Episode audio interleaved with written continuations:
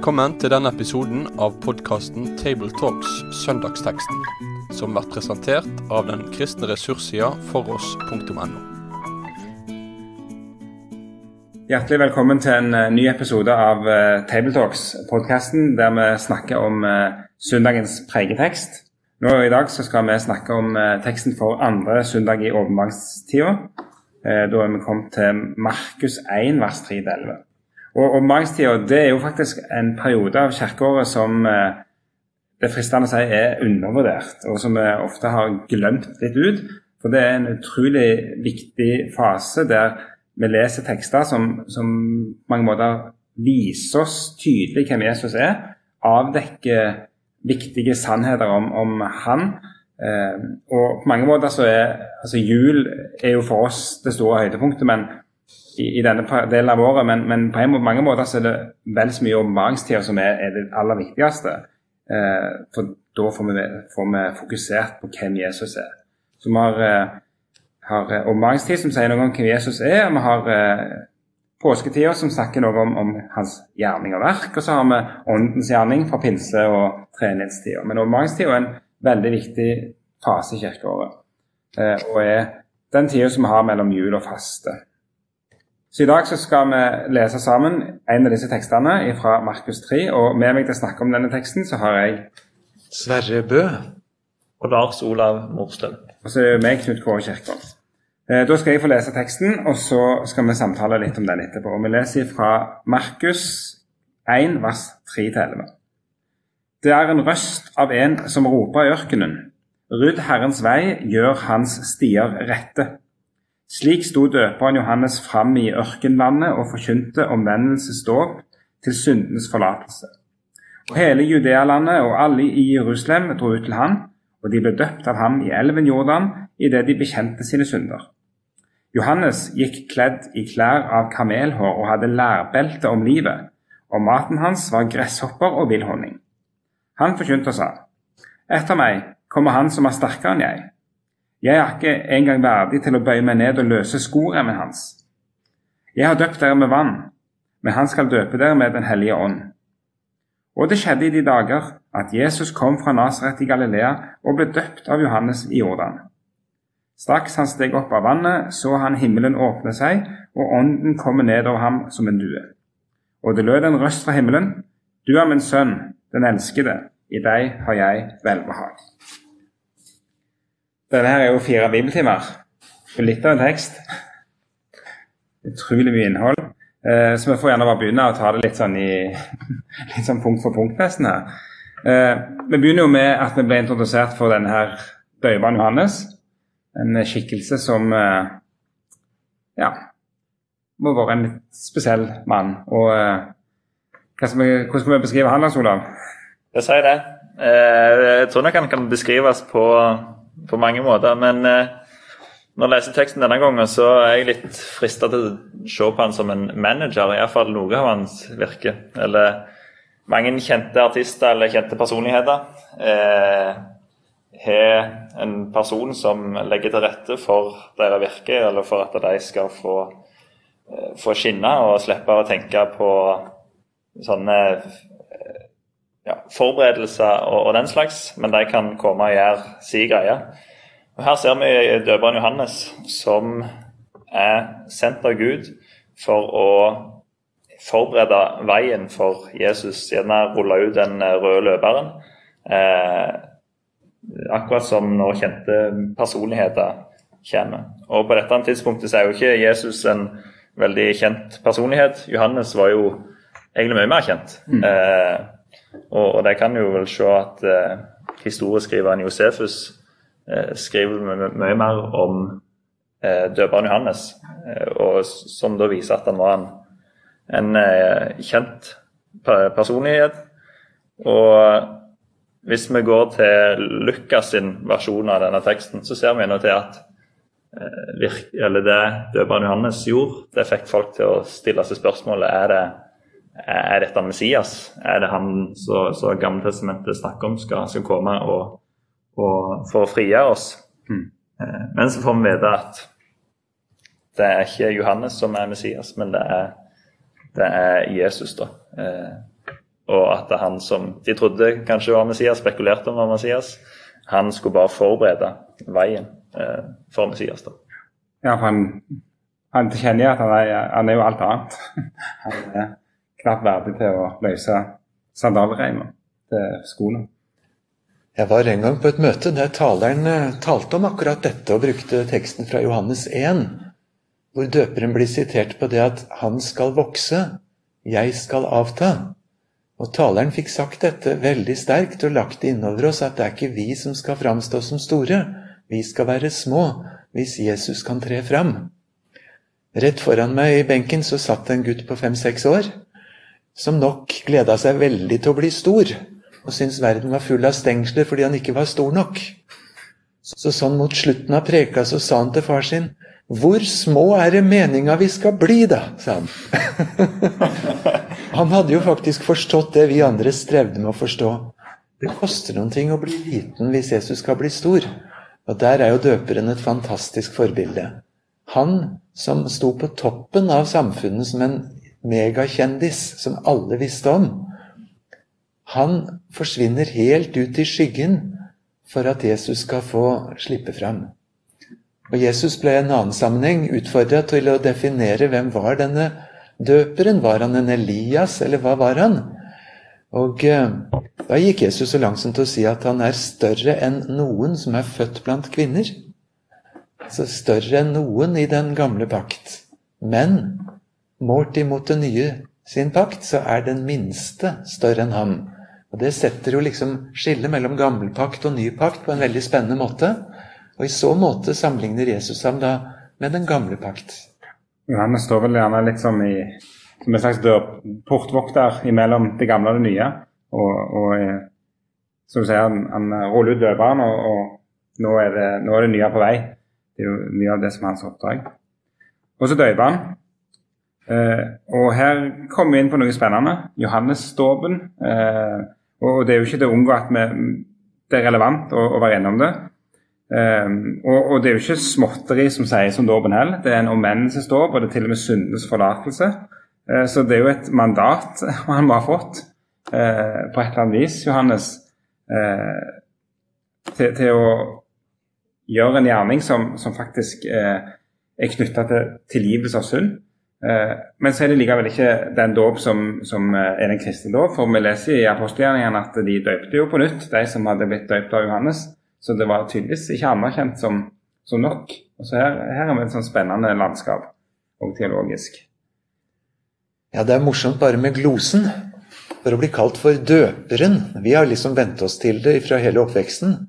Men på gresk, da, en som dypper folk. Mm. Den vanlige greske glosen for å dyppe, det er bapto. Og baptizo, det er en sånn intensivering. Han nidyppet.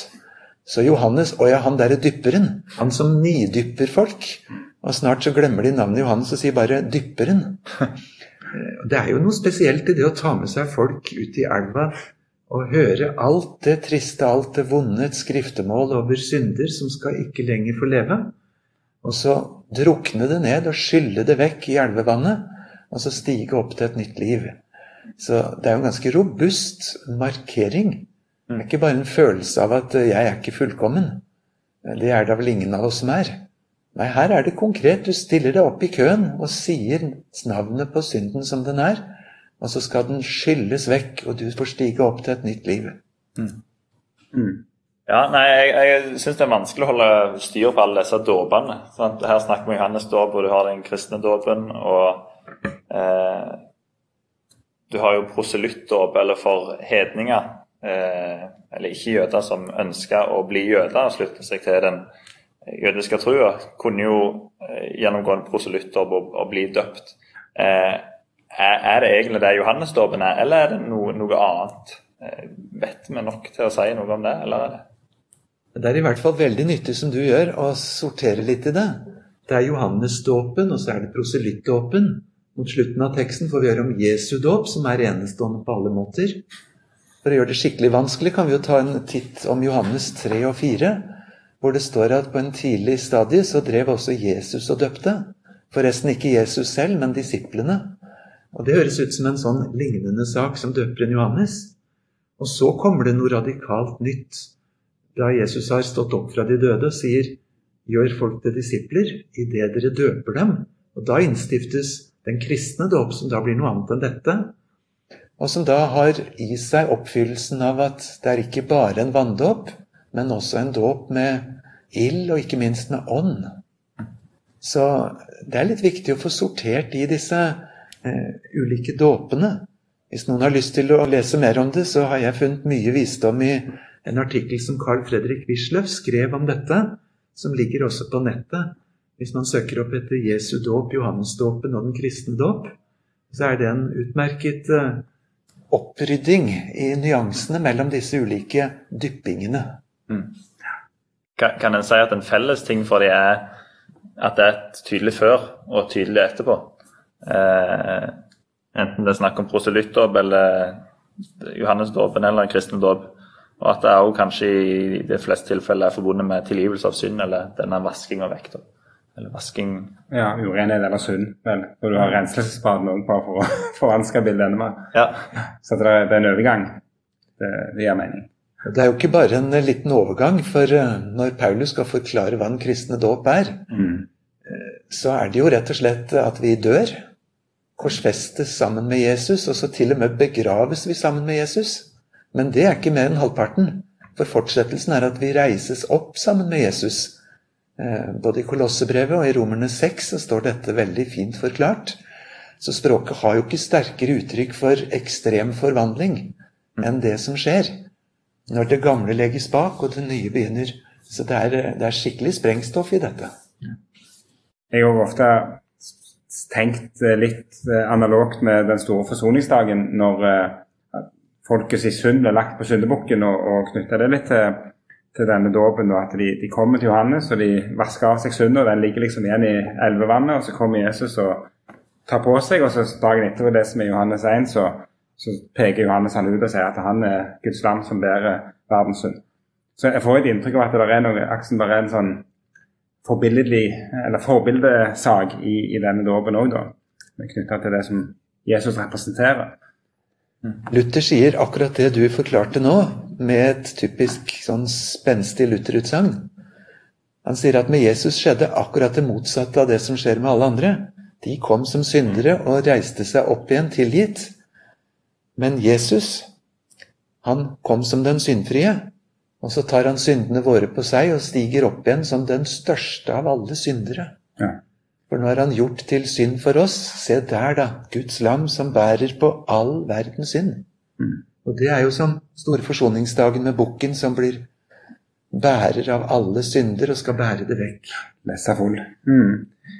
Yes. Da har vi gjort unna de to første bibeltimene. Da var det døyveren først, og så var det Og så er det et par bibeltimer til som ligger i denne teksten, og, og, vi må gjerne stoppe litt ved eh, det som skjer etter han eh, steg opp av vannet. Ehm, da leser vi om eh, himmelen som deler seg, og så lyder det en guddommelig stemme. Eh, og, og, den har jo vært eh, opphavsmann til mye rart i kirkehistorien. Det har vel til og med vært en egen retning som ble kalt for adoptianisme, der en tenkte seg det at i og med Jesu dåp så ble dette her vanlige mennesket Jesus fra Nasaret han ble plutselig adoptert som Guds sønn og fikk en ny status. Eh, og Det er jo noe som Den kristne kirka har kjempa hardt imot. At det, det, var ikke det som var poenget, men det var en stadfestelse av, av at han er Guds sønn. Og Det er jo noen spennende ekko fra, fra Det gamle testamentet. Både Salme 2, 'Du er min sønn, jeg er født deg i dag'. Jesaja 42 om tjeneren som får høre at uh, 'i ham er jeg min glede'. Så her, her, er det liksom en del sånne motiver som uh, løper sammen. Både kongemotiv og profetmotiver og og, og løfter om, eh, om, om, en som kommer fra Gud, og som skal bety gjøre en gjerning. Og nå, nå skjer det i med dette her. Og det introduseres jo med et, et voldsomt uttrykk. Da Jesus strek opp av vannet, så han himmelen dele seg, står det litt sånn forsiktig oversatt. Mm. Eh, vi kunne trygt si at himmelen revnet. Eller på godt Oslo-språk spjæla. Altså det er en, en, voldsom hendelse. Det er som et tekstil som røskes i stykker. Eh, verbet brukes to ganger i Markus. Det ene er her ved Jesu dåp. Himmelen revner for å slippe fram himmelhyllesten og himmelstemmen og ånden som en due. Og den andre gangen det er idet Jesus dør på korset og forhenget inn til det aller helligste revnet fra øverst til nederst.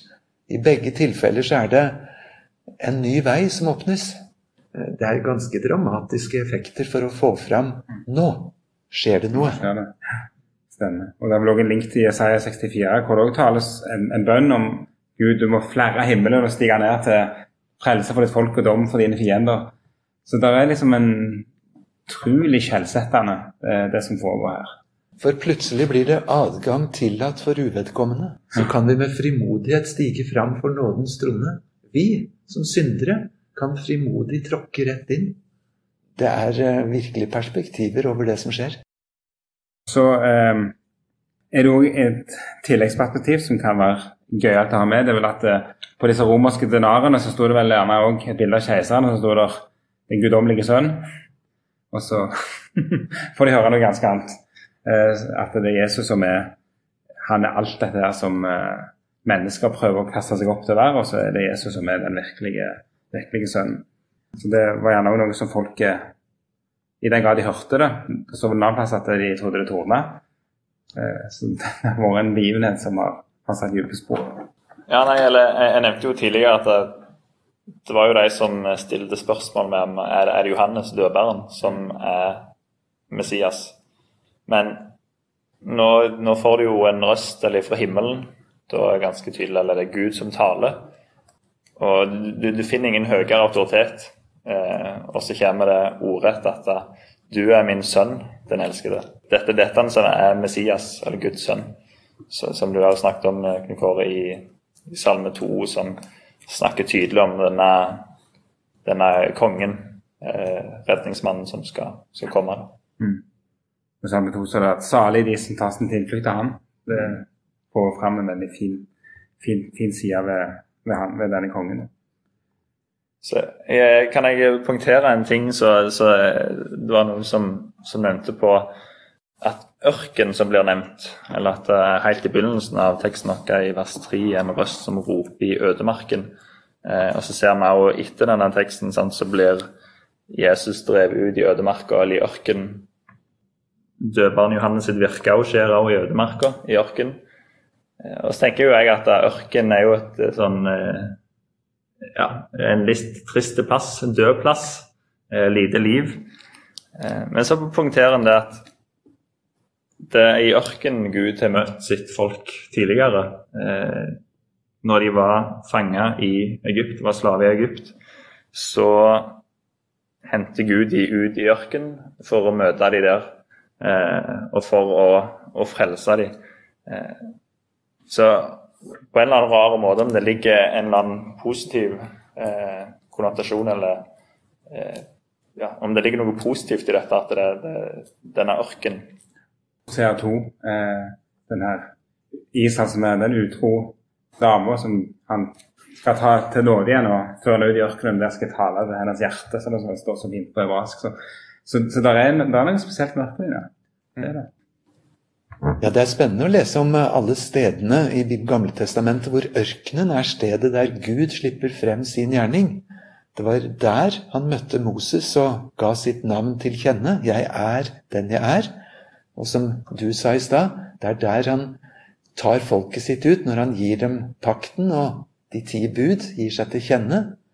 Og eh, det forteller vel noe om at Gud begynner sin gjerning der han vil, ikke midt i byen, der hvor vi får til et eller annet, men utenfor vårt virkefelt, der gjør Gud det, og så kommer det til oss utenfra. Fører oss der som er hjelpeløse, kan vi gjerne si. Eh, på alle mulige måter. Mm. Og der det ikke er noen forstyrrelser, ja. der en kan få tale til dere. Jeg vet ikke om en kan eh, aktualisere det i dag, da, at søker vi de plassene der, eh, der det er mulighet til å få Gud til å tale til dere i Hans ord, eller er vi for opptatt med å høre alle andre stemmer?